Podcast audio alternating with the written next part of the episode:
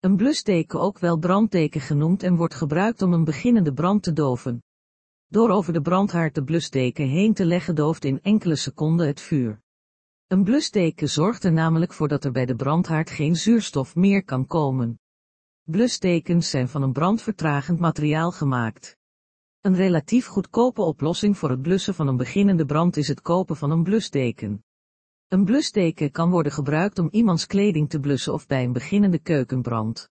Zodra de blusteken om een persoon wordt heen geslagen dooft het vuur door zuurstofgebrek snel. Een blusteken, brandteken, is alleen geschikt om een brand te doven in de allereerste seconden. Een blusteken is geen blusmiddel zoals een brandslang of brandblusser. Een nagloeiende of brandende lucifer in de prullenbak kan veilig worden afgedekt en gedoofd met een blusteken.